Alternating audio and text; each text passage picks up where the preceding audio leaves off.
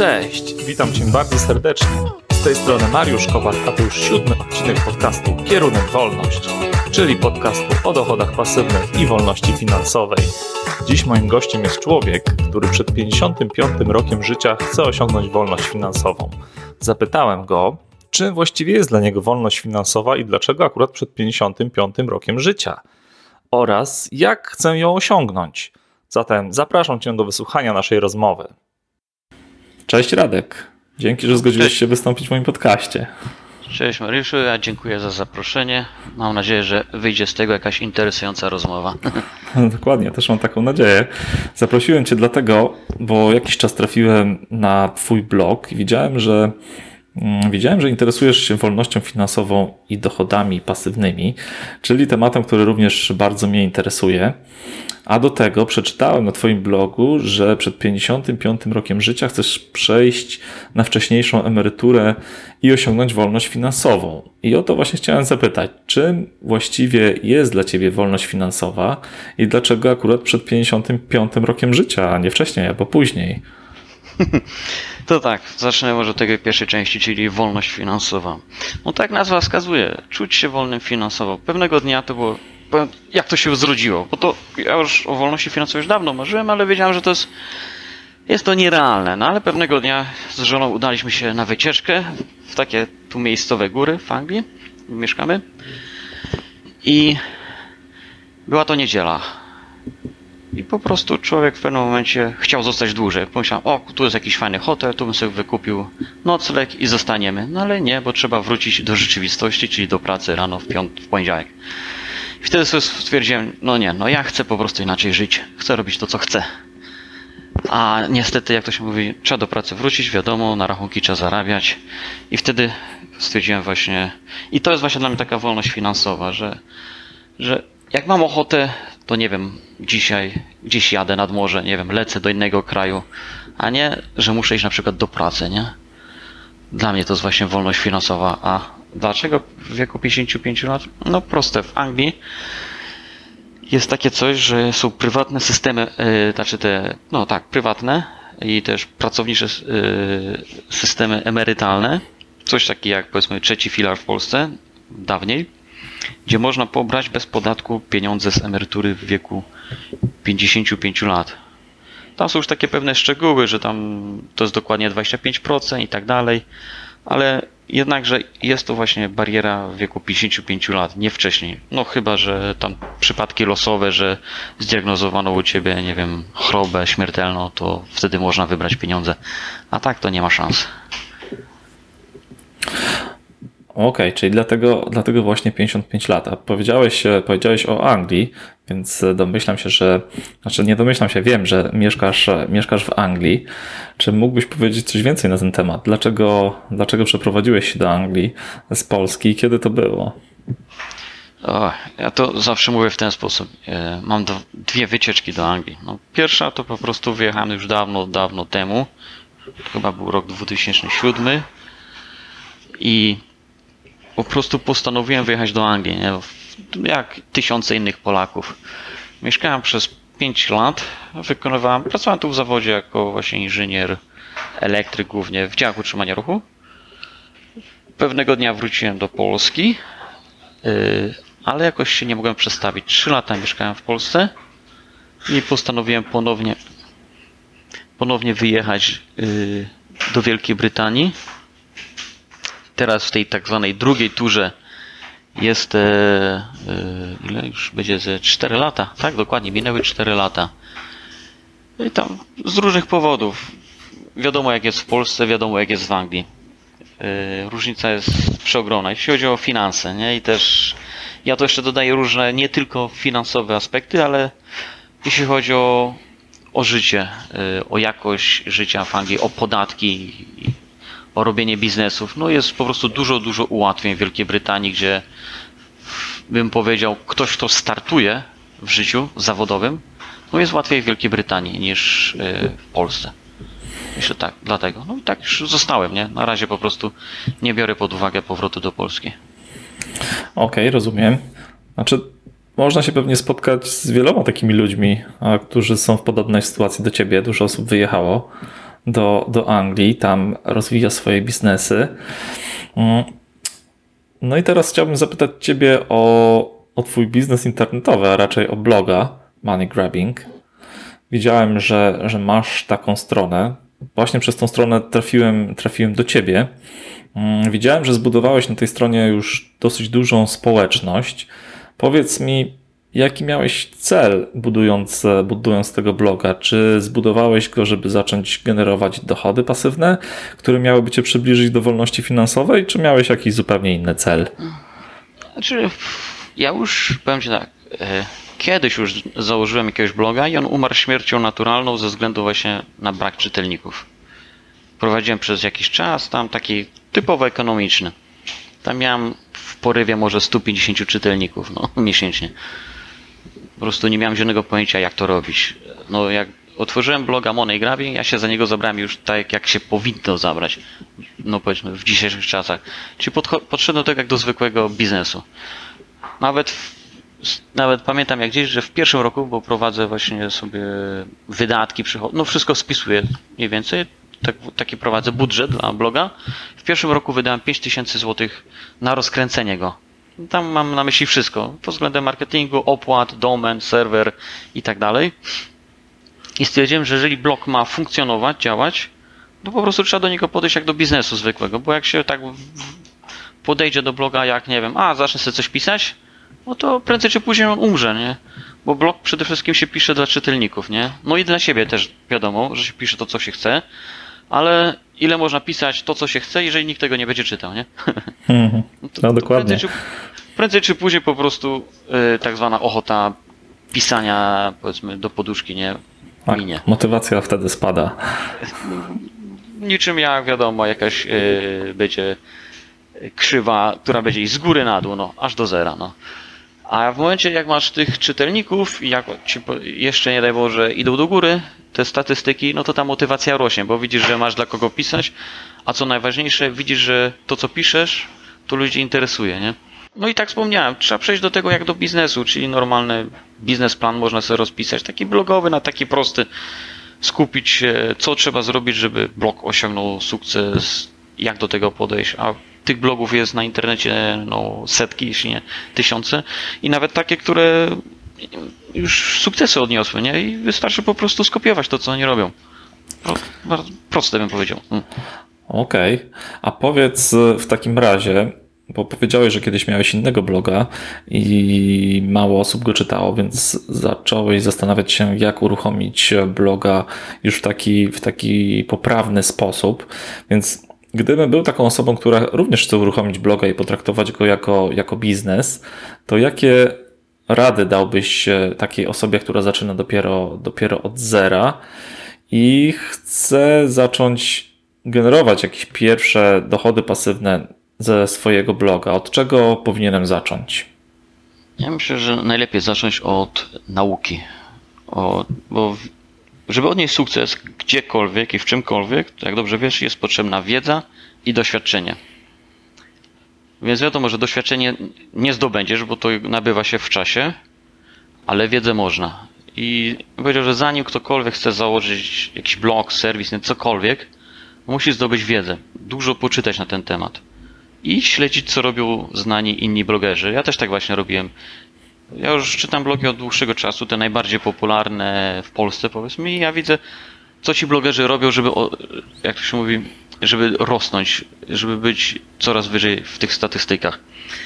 I jak ktoś mówi, nawet wystarczy w Google wpisać, co zrobić, żeby blog miał więcej czytelników i, i podobne zapytania.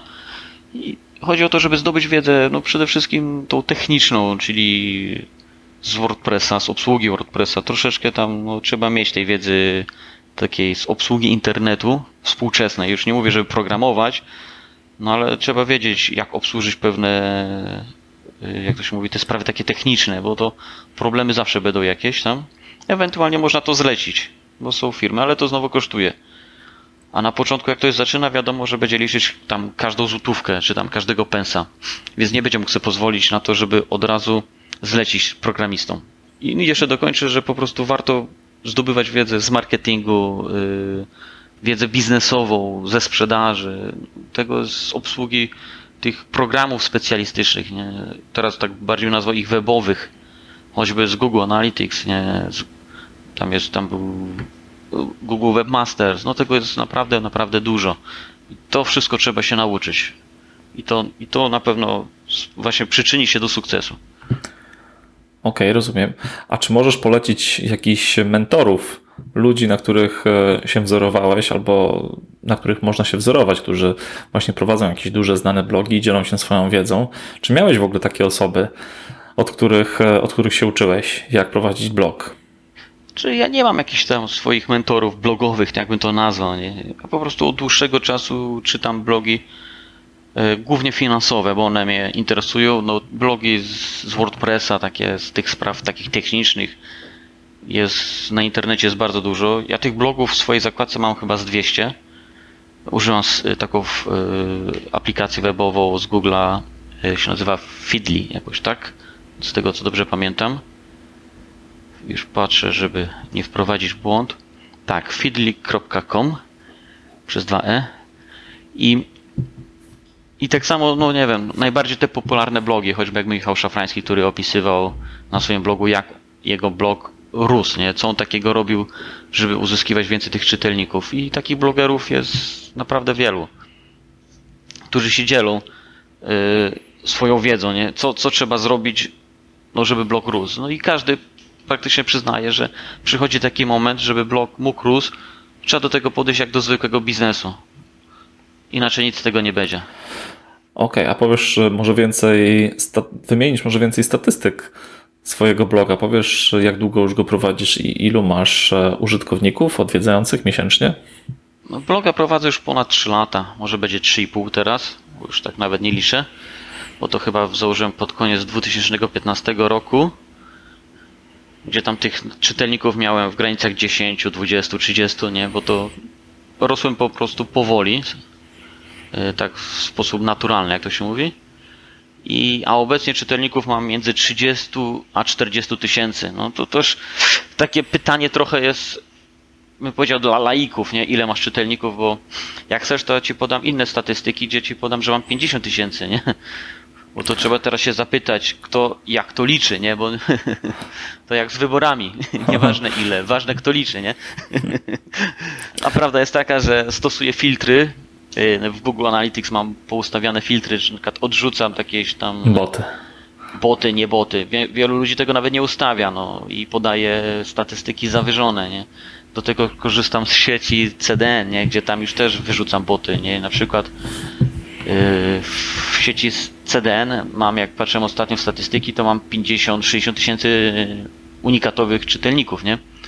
Co de facto jest bzduro, nie? Bo jak już odrzucę te wszystkie boty, nie wiem, z Ukrainy i Rosji, które próbują non-stop zhakować mi WordPressa, do tego y, poustawiane filtry na Analytics, to wychodzi z tego, że mam tak naprawdę tych czytelników między 30 a 40 tysięcy, no. W zależności od tego, jaki miesiąc, bo to wiadomo, w lutym będzie mniej. E, I też w zależności od tego, czy w jakimś miesiącu więcej napiszę artykułów, czy nie. Okej, okay, tak 30-40 tysięcy unikalnych użytkowników miesięcznie to jest bardzo dobry wynik według, według mnie. Zależy jeszcze, jaka jest tematyka bloga. Może jeszcze mógłbyś powiedzieć coś więcej na ten temat. Jakie głównie tematy poruszasz na swoim blogu? Znaczy na swoim blogu taki mam tak naprawdę niż masz. Yy, opisuję tematy, które mnie interesują i je wrzucam. I niektóre artykuły są lepiej odbierane przez czytelników, a niektóre gorzej. Piszę ogólnie o emigracji w Anglii, nie? bo jak tu przyjechałem sam osobiście, no, wielu rzeczy nie wiedziałem. Począwszy od podatków, po jakieś tam sprawy takie urzędowe, po, po błahę, nie? Dlatego, że niektóre aspekty życia w Wielkiej Brytanii różnią się od tego, co jest w Polsce. Część rzeczy już się wyrównuje, część nie. I wielu ludzi, szczególnie jak ktoś przyjedzie nowy, no to jest zainteresowany takimi tematami. Dlatego je piszę. Bym powiedział, że nie wiem, tak zwane człon bloga mojego, no to jest właśnie, właśnie porady związane z emigracją, nie? A drugim aspektem bloga, no to jest taka wolność finansowa. Opisuję, co zrobić w praktyce, właśnie, żeby tą wolność finansową osiągnąć, w szczególności dla osoby, która pracuje i chciałaby coś w tej materii zmienić. No niekoniecznie może wolność finansowa, ale jakieś tam takie poruszam tematy z inwestowania yy, w nieruchomości, w inwestowania na rynku kapitałowym no, albo z samą emeryturą i nie da się przypisać mojego bloga do jednej kategorii, nie? O, rozumiem. I bardzo mi się podoba to, że piszesz dla ludzi, którzy są w podobnej sytuacji, w takiej, której ty byłeś kiedyś, gdy przyjechałeś do Anglii. Więc, więc dzielisz się swoją wiedzą, swoimi doświadczeniami, więc im będzie już łatwiej. Tak, a, tak myślę, takie jest moje założenie. No i też jestem szczery z czytelnikami, bo już w kilku artykułach podkreśliłem to, że prowadzę tego bloga no de facto, żeby on też mnie, jak ktoś mówi, bezpośrednio przyczynił się y, do mojej wolności finansowej.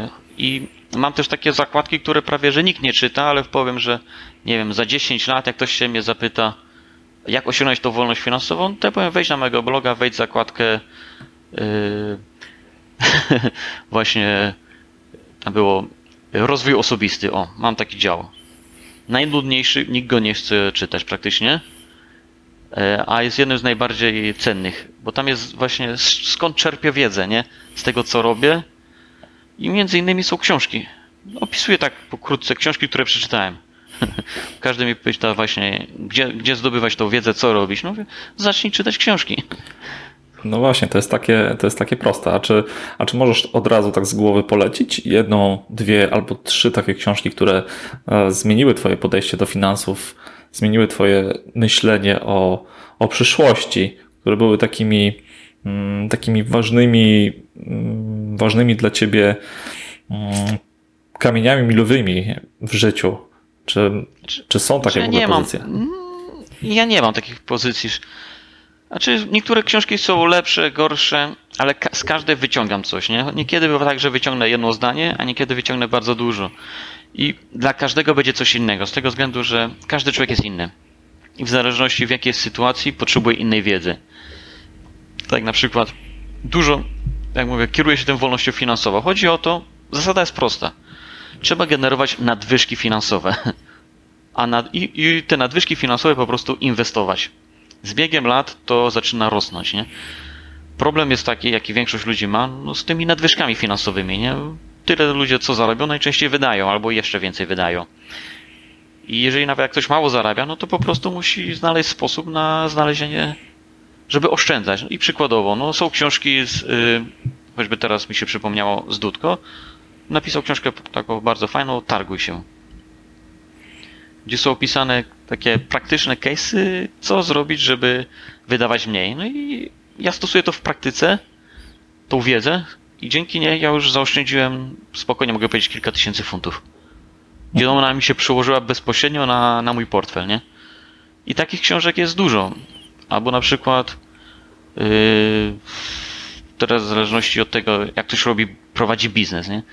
no to można polecić książki takie typowo y, o oszczędzaniu, nie? Albo jak ktoś ma. Y, też polecam czytać biografię znanych ludzi, którzy osiągnęli sukces. Y, na przykład pięć sekretów biznesa, biznesowych Marka Zuckerberga, nie? O Facebooku opisuje. No. Tych książek jest, mówię, w brud i każda, nieważne jaka, będzie dobra. Okej, okay, ważne jest, żeby czytać żeby czytać. Zdobywać tą wiedzę, czytać. rozwijać się i, i myśleć. Właśnie, bo im więcej czytasz, otwierają ci się jakby powiedzmy kolejne bramy, nie? No, na przykład warto przeczytać sobie książkę Sztuka Zwycięstwa, nie? To są wspomnienia twórcy Nike'a. Jak, jak zaczynał, no. A dzisiaj czym jest firma Nike, a czym była kiedyś, nie? Ludzie są, nie są tego świadomi. I, I warto czytać takie książki. Z różnych dziedzin po prostu. No, mnie interesuje ogólnie dziedzina finansowa, nie? Rozwój osobisty, biznesowa i tego typu książki głównie czytam. No. A kogoś innego może coś innego interesować, wiadomo. I moje polecenie nie będzie miało tutaj znaczenia. Dlatego mówię po prostu czytać książki, bo to poszerza horyzonty. Dokładnie, to jest bardzo, bardzo dobra rada, żeby czytać jak najwięcej książek. Też ją stosuję i w moim przypadku również, również się sprawdza. Wróćmy na chwilę jeszcze do Twojego bloga. Jakiś czas temu czytałem ciekawy artykuł na blogu Agnieszki Skupieńskiej o tym, jak ona teraz by promowała swojego bloga, gdyby go dopiero założyła. Prowadzi bloga już od kilku lat, więc ma spore doświadczenie, ale ty, ty, ty również masz już spore doświadczenie, skoro prowadzisz bloga ponad, ponad 3 lata. I stąd pytanie do ciebie, czy po kilku latach doświadczeń promowałbyś swojego bloga w jakiś, w jakiś inny sposób? E, gdybyś startował od zera, masz jakieś sprawdzone metody, które wiesz, że, że na pewno działają. Co mógłbyś doradzić? Że jakbym zaczynał bloga, to pewnie bym podobnie robił, bo to, e, jak to się mówi, znasz to zasadę, że historia lubi się powtarzać. No. prawda jest taka, że najlepiej na początku, jak ktoś zaczyna, to pisać jak najwięcej i pisać pod, pod SEO, pod przeglądarkę Google'a. I nie wiem, jak ktoś ma, jak to się mówi, nie ma tych czytelników, ma mało, to po prostu to musi iść masówka. Nie ma się pojawić 100, 200, 300 artykułów. Jak najwięcej. Im więcej, tym lepiej. Wtedy Google to jak to się mówi, zaindeksuje i pisać pod, pod wyszukiwarkę, zgodnie z zasadami tam z SEO-SEM. I tu też trzeba mieć wiedzę z tego właśnie o co tu chodzi, jak to pisać. No i tu, tu trzeba zdobyć się. Później, jak się już ma czytelników, to już tak nie trzeba bardziej zwracać na, e, na SEO, a bardziej na, na to, co pisać, jak, jak tworzyć lidy, żeby ludzi przyciągnąć. Że nawet wręcz yy, myślę, że ta blogosfera będzie iść w kierunku takich yy, gazet typu jak fakt, nie? Będzie trzeba stosować artykuły, czy te tytuły i lidy przyciągające czytelników. No teraz jak każdy Facebooka wie, jak przegląda, nie? Bierzesz palca i jedziesz do góry. Skrolujesz. Teraz chyba skrolujesz, dosłownie. I to chyba, nie wiem, z 20-30% wejść już teraz na stronie internetowej pochodzi z Facebooka. Czyli Google traci, nie? I będzie coraz więcej tracił. Więc, więc muszą być jakieś fajne zdjęcia, yy, jakieś tytuły, nie? Yy, na tych zdjęciach. Coś, coś takiego, co spowoduje, że ty klikniesz w to. No, to z raz, dwa i przede wszystkim lansować się na eksperta, nie? No bo nikt nie będzie czytał twojego bloga, jeżeli będziesz anonimowy, nie? Więc ty musisz być po prostu tak zwanym influencerem. Ludzie muszą chcieć ciebie czytać, nie? A żeby chcieli ciebie czytać, to musisz o to zadbać, nie? No ale pewnych rzeczy na początku nie zrobisz, no bo musisz na, na wszystko, jak to się mówi, Rzymu od razu nie zbudowano. Na wszystko trzeba czasu, yy, jak to się mówi, i, i, też tej wiedzy, nie? Żeby wiedzieć, co zrobić, nie? A najlepiej po prostu kopiować tych, jak to się mówi, znanych blogerów. Co oni robią? Wstawiać to samo. Bo to się po prostu sprawdza. Dobrze, a powiedziałeś, e, powiedziałeś o SEO. Mm, ja na swoim blogu korzystam z jednej wtyczki Yoast SEO, żeby podpowiadała mi tak naprawdę, jak mam pisać artykuł, w jakiej, w jakiej formie. Czy ty również z niej korzystasz, czy masz jakieś inne swoje sprawdzone metody na to, żeby, żeby artykuły były dobrze zoptymalizowane pod wyszukiwarkę? E, ja korzystałem z pewnej tej najbardziej popularnej wtyczki, chyba wszyscy, nie wiem, 95% ludzi z niej korzysta. A z czy jakoś tak, już nawet nie pamiętam. Ja z niej nie korzystam. O dziwo. Znaczy zrezygnowałem z niej z jakiś czas temu. Korzystam z wtyczki SEO Processor. To jest tak, powiedz, taki kombine, który mi pomaga, mi mówi, z jakich słów kluczowych mam korzystać Yy, jak, w jaki sposób pisać. Ja mam takie dwie wtyczki właśnie. Jedna wtyczka to jest ta SEO, seoprocessor.com, można sobie zobaczyć na internecie. Też mam taką aplikację webową, to się nazywa Web Text Tool, gdzie też mi podpowiada, w jaki sposób pisać artykuły pod względem wyszukiwarki. Ale coraz częściej nie tworzę artykułów pod wyszukiwarkę. Już nawet nie zwracam uwagi na te, jak to się nazywa, na słowa kluczowe. Tam czasami piszę artykuł, jak nie mam weny, że nie wiem co pisać, no to wchodzę na Google i sprawdzam o czym by warto napisać. Sprawdzam jakie słowa kluczowe. No choćby nawet, nie wiem, e, ty ostatnio właśnie pisałeś taki artykuł, tu go czytałem, że tam się wypozycjonowałeś na jedno słowo kluczowe, dosyć istotne. To był chyba pomysł na biznes. E, chyba na dochód pasywny. Czy dochód pasywny, czy coś, coś z tego typu. No to ja dodałem dochód pasywny w UK na przykład. Albo bo tak napisałem też, napisałem artykuł yy, pomysł na biznes w UK, nie? Ale po prostu tak ty mówisz, dochód pasywny, ja wchodzę do Google'a, Google AdSense, wrzucam to słowo, dochód pasywny, przykładowo, i sprawdzam, jakie są inne kombinacje słów, które warto użyć. Czyli w No Google, Google Keyword Planner w tym narzędziu. Zgadza się. Do tego mam jeszcze, korzystam z aplikacji, yy, gdzie po prostu mam tam wszystkie swoje sprawy związane z optymalizacją. I bym musiał wejść, sprawdzić, jak się nazywa ta aplikacja. Już zaraz powiem, bo ich trochę mam tego oprogramowania, a nie pamiętam każdego. seranking.com Okej, to podlinkuję w notatkach Możesz do tego odcinka. To jest taki też combine, który właśnie odpowiada za SEO. No. Tam mam wszystkie swoje słowa kluczowe, które sprawdzam, jak się, jak się w Google tam pozycjonują i też ten system cały podpowiada mi, jakie warto wykorzystać słowa, nie? Ile ma najwięcej wyszukiwań, bo nie ma sensu pisać o czymś, pod względem mam na myśli SEO, jeżeli nie masz dużej społeczności, jeżeli ludzie czegoś nie szukają, nie? I to mogą być takie krótkie niuanse, tak? Ty mówisz, pomysł, przykładowo pomysł na biznes ma ileś tam tysięcy wyszukiwań, ale może być bardzo trudno się tam wypozycjonować, ale jak dam już na przykład pomysł na biznes w Anglii, może mieć wciąż dużo wyszukiwań, ale będzie bardzo mała konkurencja. Więc po prostu napiszę artykuł na temat, na temat pomysłu na biznes Anglii. I do tego zastosuję różne synonimy, no, Okej, tego słowa. W ten sposób właśnie można się fajnie wypozycjonować w Google. no super, to są bardzo ciekawe rady. Jeszcze, jeszcze ich nie słyszałem, nie znam tych narzędzi, szczerze mówiąc. Czy te narzędzia są płatne, czy bezpłatne? Praktycznie wszystkie narzędzia, z których korzystam, są płatne.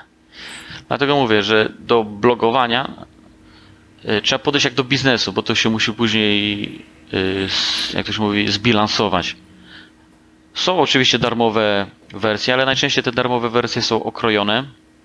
W przypadku bloga, który już tam generuje kilka tysięcy czytelników, się już nie sprawdzają, bo już masz tych słów powiedzmy więcej. Ja tam nie mam 10-5 słów, tylko to idzie w setkach śledzę. I to musi być jakieś już specja, specjalistyczne oprogramowanie, które to wszystko ogarnie. A to niestety trzeba płacić.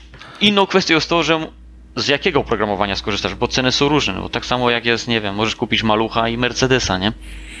Mhm, Dokładnie. No. No dobrze. A powiedz jeszcze coś więcej o swoich dochodach pasywnych. Na blogu dzielisz się, dzielisz się dochodami w, te, w jasny i transparentny sposób, ale powiedz dla słuchaczy coś, coś więcej na ten temat. Jak, jak duże już dochody pasywne osiągasz z bloga i skąd one pochodzą? Znaczy dochodów aż takich dużych nie mam. Na chwilę obecną w tamten rok podatkowy jeszcze nie rozliczyłem, ale prowadzę pełną księgowość, więc widzę co i jak i miałem tam około 10 tysięcy funtów za tamten rok podatkowy przychodu. Oczywiście. I Okej, czy to dużo jak na Anglię? Mm, To nie jest dużo jak na Anglię. Na Polskę może to już lepiej wygląda, bo to będzie podchodzić pod 50 tysięcy przychodu. Czy to dużo? To nie wiem, bo, bo tak, tak naprawdę blogerzy się nie dzielą. Ale wiem, że przy tego typu czytelnikach, znaczy przy 30-40 tysiącach te przychody powinny być większe. Więc też nie wykorzystuję potencjału powiedzmy swojego bloga. Yy, Głównie właśnie moje przychody są z afiliacji. To jest człon. A wiadomo, że z afiliacji, żeby zarobić, trzeba mieć też w miarę dużo czytelników. Okej, czyli polecasz produkty innych, e, innych osób. Zgadza się. Na przykład bardzo mało mam współprac bezpośrednich, czy jakichś reklam, nie? czy artykułów sponsorowanych. No to jest praktycznie margines bezpie- tego margines. To jest tam raz na jakiś czas to się tam do mnie zgłosi z reklamą. W Polsce wiem, że blogerzy, jakaś tam jest gromo blogerów, którzy na tym całkiem dobrze zarabia. Z różnych właśnie współprac z markami przede wszystkim. Ja praktycznie tam nie mam, od czasu do czasu tylko. Yy, dlatego postanowiłem zdywersyfikować dochody i utworzyłem dwa własne produkty. I to jest, jakbym powiedział, yy, kolejna droga, jak ktoś już ma jakiegoś bloga poczytnego, inwestować czas i zasoby właśnie w stworzenie własnego produktu. Okej, super. A czy to są jakieś książki, czy kursy online? Co to jest dokładnie? W jednym przypadku to jest pierwszy produkt to był właśnie książka tam w wersji PDF online, e-book o, tak by to można nazwać, o, e, o systemie emerytalnym w Anglii. Ponieważ się interesowałem o emeryturze, bo chciałem wcześniej przejść, więc zgłębiłem dosyć dużo na ten, wiedzę na ten temat i postanowiłem wypozycjonować się i co też mi się udało, bo jak wpiszesz różne wariacje słowa emerytura w Anglii, to jest to na czołowych miejscach. I kolejną rzeczą było tak właśnie, że czemu by e-booka nie stworzyć. I tak i okazało z początku, że było śmiesznie, ja go za darmo rozdawałem. No, tak wiadomo, chciałem, żeby, bo wiem, że Polacy mają bardzo nikłą wiedzę na temat systemu emerytalnego w Anglii. Sam na początku nie wiedziałem. Du bardzo dużo mitów na ten temat krążyło, że tam trzeba rok pracować. Niektórzy mówili, że trzeba 5 lat pracować, żeby mieć tą emeryturę. No, no straszne rzeczy. I potem jeden drugiemu to przekazywał. No. no postanowiłem to po prostu całą tą wiedzę na temat systemu emerytalnego zebrać w jedno miejsce. Chyba nie ma takiej drugiej pozycji. Przez długi czas e-book był za darmo rozdawany. Było ponad 10 tysięcy pobrań. Ale miałem naprawdę dużo zapytań to takich śmiesznych, że musiałem pisać, no to wszystko już jest opisane w poradniku, nie? Dlatego postanowiłem go zacząć sprzedawać. Bo jak ktoś już coś kupi, to przynajmniej go otworzy i przejrzy. A jak dasz coś za darmo, to ludzie ściągną, przejrzy to z prędkością światła, te wszystkie 100 stron i potem do ciebie zaczyna wydzwaniać i pisać, a, a kiedy można przejść na emeryturę? No. A to wszystko jest podane jak A to wszystko jak jest w poradniku. No. Mi po prostu już zaczęło męczyć to, że musiałem odpowiadać na dziesiątki maili, że, że to wszystko jest w poradniku, nie? Którego ludzie i tak sobie pobrali za darmo, nie?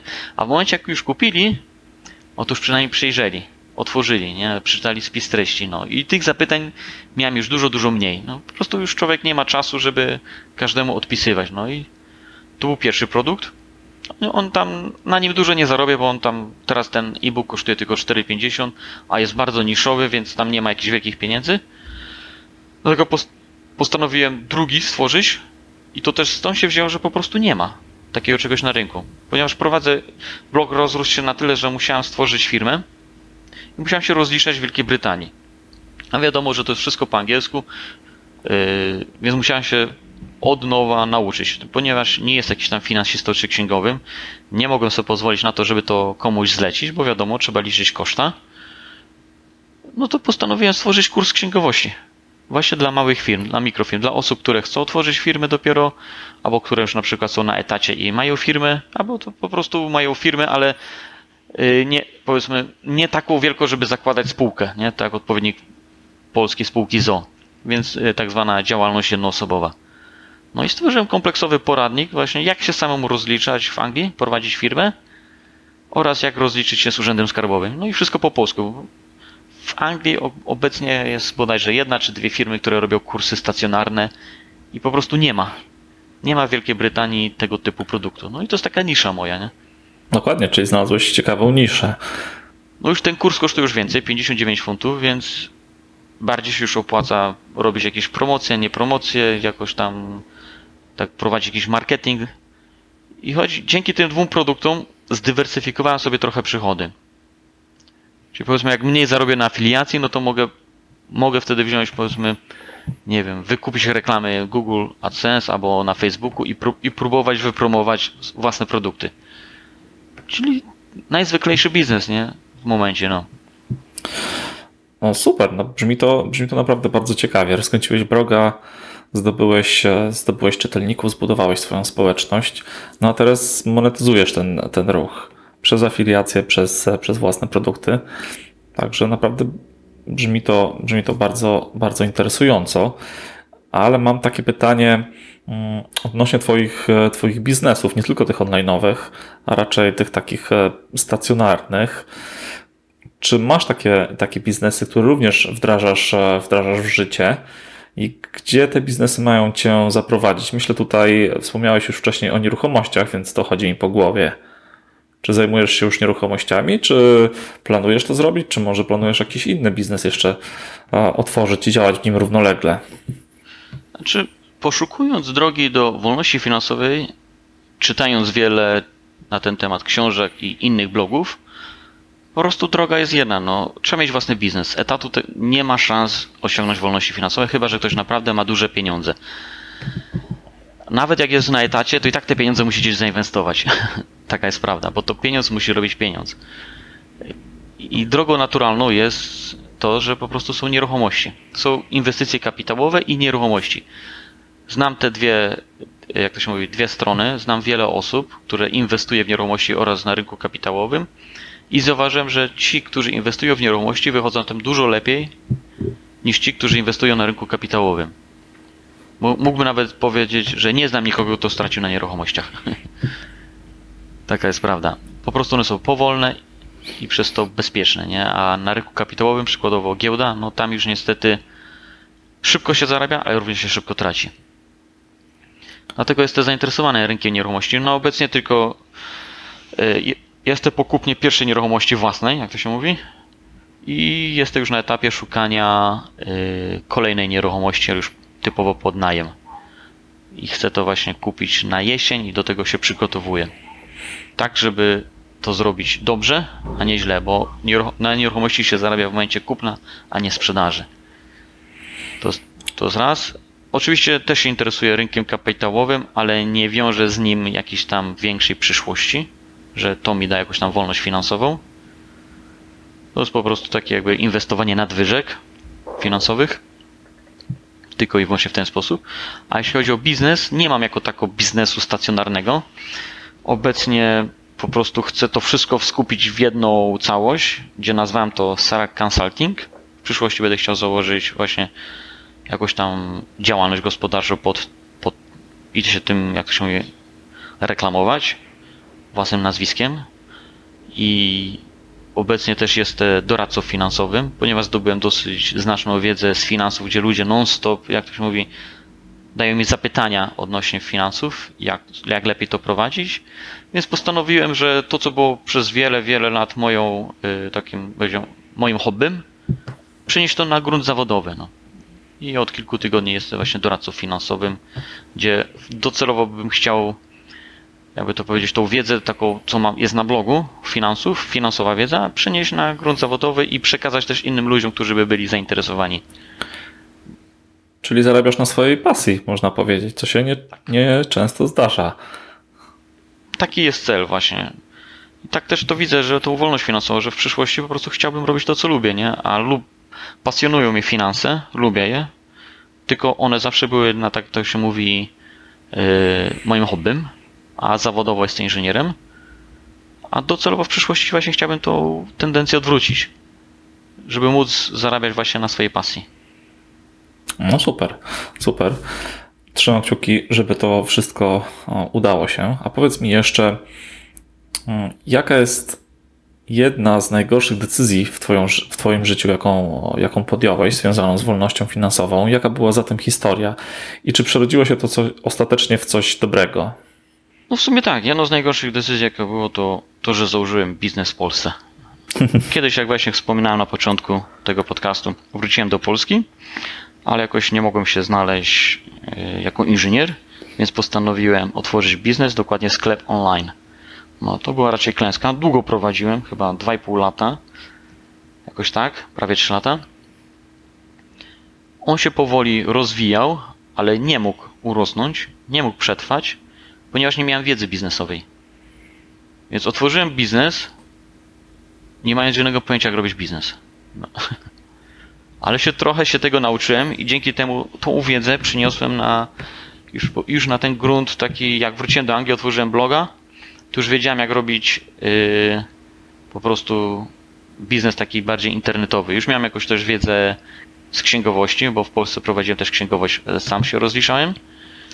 Już miałem wiedzę tą księgową, i księgowo-podatkową i miałem też tą wiedzę biznesową. Nie co trzeba zrobić, żeby, żeby biznes online funkcjonował. Więc można powiedzieć, że otworzyłem w Polsce ten sklep internetowy. On upadł, jak ktoś mówi, może powiedzieć gładko, że zbankrutował. Ale doświadczenie, jakie zdobyłem, no, przełożyłem na, na blog Money Grabbing. Kto wie, jakbym może nie, wcześniej nie założył tego biznesu, to bym nie przełożył tego doświadczenia biznesowego na blog. Czyli dzisiaj może blog Money Grabbing był umarł śmiercią naturalną, bo by nie miał czytelników. Okej, okay, chyba jest tak, że zazwyczaj pierwszy biznes upada, nawet nie tylko pierwszy, drugi, trzeci i dopiero za którymś razem biznes zaczyna działać tak jak, tak, jak my chcemy. I o to tak naprawdę chodzi, żeby popełniać jak najwięcej błędów w jak najkrótszym czasie i jak najszybciej się na nich uczyć. Zgadza się, bo człowiek dopiero po jakimś czasie zaczyna sobie uświadamiać, że doświadczenie to jest popełnianie błędów. To jest coś, co w szkole tego nie uczył. Mało tego, każą za to, nie? Przykładowo, że jak ktoś, nie wiem, pisze jakąś tam kartkówkę sprawdzian, dostanie jedynkę i koniec, nie? Nie, a w życiu jest inaczej. Masz go napisać jeszcze raz, ale dobrze, no. Tak No, wygląda życie prawdziwe. Sz- Szkoła nie przygotowuje w ogóle do życia. dokładnie, trzeba się uczyć na błędach i nie bać się ich. Popełniać, trzeba je popełniać. Popełniać jak, naj, jak najwięcej, bo wtedy człowiek wyciąga wnioski, co nie zadziałało i zaczyna stosować inne rozwiązania. Szuka rozwiązań, które działają. Jest, I być może jest tak ty mówisz, że już ten biznes za któryś tam razem wypala, nie? Bo człowiek już lepiej pilnuje, nie? Finansów, lepiej dobiera partnerów biznesowych, yy, robi już badania, nie? Rynku na przykład i... A na początku jak ktoś za, otwiera biznes, jak, jakikolwiek, to najczęściej nic nie robi. Mało tego, mówi, że, że jedynym problemem są tylko pieniądze, nie? A tak naprawdę pieniądze nie są żadnym problemem w dzisiejszych czasach, no. Wszystko opiera się o wiedzę. Po prostu i doświadczenie. Trzeba wiedzieć, jak robić, no. A najzabawniejsze jest to, że to wszystko już jest opisane w książkach albo na specjalistycznych blogach. No właśnie, więc teoretycznie jest to bardzo proste. Wystarczy zdobyć wiedzę, zacząć działać i uczyć się na własnych błędach i działać dalej, za którymś Ja- ja razem bym- się uda. Ja bym jeszcze dodał po prostu yy, spotykać się z odpowiednimi ludźmi. Jeżeli chcesz robić biznes, no to musisz zacząć się spotykać z innymi biznesmenami, przedsiębiorcami, nie? I po prostu czerpać wiedzę od innych ludzi, nie? No bo jak otworzysz biznes i mm, no powiedzmy będziesz przebywał w towarzystwie ludzi, którzy są tylko na etacie, no to jest duże prawdopodobieństwo, że ten biznes padnie. Bo to są dwa różne światy, no. Albo że ty również Że- przejdziesz na etat. A, właśnie. Dlatego trzeba jakoś to zbilansować, ale chodzi o to, że po prostu ludzie, którzy już mają, są przedsiębiorcami, prowadzą jakieś biznesy, mają doświadczenie. I bardzo i, i tak się składa, że każdy lubi się dzielić swoim doświadczeniem, więc tak ty mówisz, w ten sposób możesz znaleźć jakiegoś mentora, osobę, która cię poprowadzi, wytłumaczy coś. I jakieś cen, jakieś wskazówki, nawet niekiedy jedna mała wskazówka może przyczynić się do tego, że twój biznes wypali albo nie. Tak w życiu jest właśnie. Dokładnie, dokładnie tak. Radek, zbliżamy się do końca już naszego nagrania, więc może powiedz na koniec, gdzie można Cię znaleźć w sieci. Mówiliśmy o Twoim blogu. Może powiedz jeszcze raz i wymień jeszcze kilka innych miejsc. Adres bloga to jest moneygrabbing.co.uk. Również na Facebooku jestem. Można wpisać Radosław Salak w wyszukiwarkę Google to znajdzie mnie, więc bardzo łatwo mnie znaleźć. Ewentualnie jeszcze jest salekconsulting.co.uk. Po prostu najlepiej wpisać Google Radosław Salak i, i mnie znajdziesz bez problemu. Okej. Radek, bardzo Ci dziękuję, że zgodziłeś się wystąpić w tym podcaście. Podzieliłeś się kilkoma cennymi wskazówkami dla ludzi, którzy chcieliby rozpocząć swojego bloga i działać w internecie, także wielkie dzięki. Mm, No ja również dziękuję za zaproszenie. Mam nadzieję, że komuś się przyda. A jak ktoś chce założyć bloga, to, to jak najbardziej. Ale jest taka jedna też wskazówka. Nie piszcie o niczym. Piszcie to, co, co lubicie. Nie ma sensu prowadzić bloga dla, dla samego prowadzenia czy dla samego zarabiania. Bo to prędzej czy później nie wypali. Dzięki za tą złotą myśl na koniec. Myślę, że jest bardzo wartościowa. Także dzięki Radek. Do usłyszenia. Ja Trzymaj dziękuję. się. No to cześć. Drogi słuchaczu, jeżeli ten odcinek podcastu podobał Ci się, zachęcam Cię do napisania pozytywnej opinii w serwisie iTunes. Pomoże mi to w przyszłości docierać do większej ilości słuchaczy. Dzięki i do usłyszenia w kolejnym odcinku. Cześć!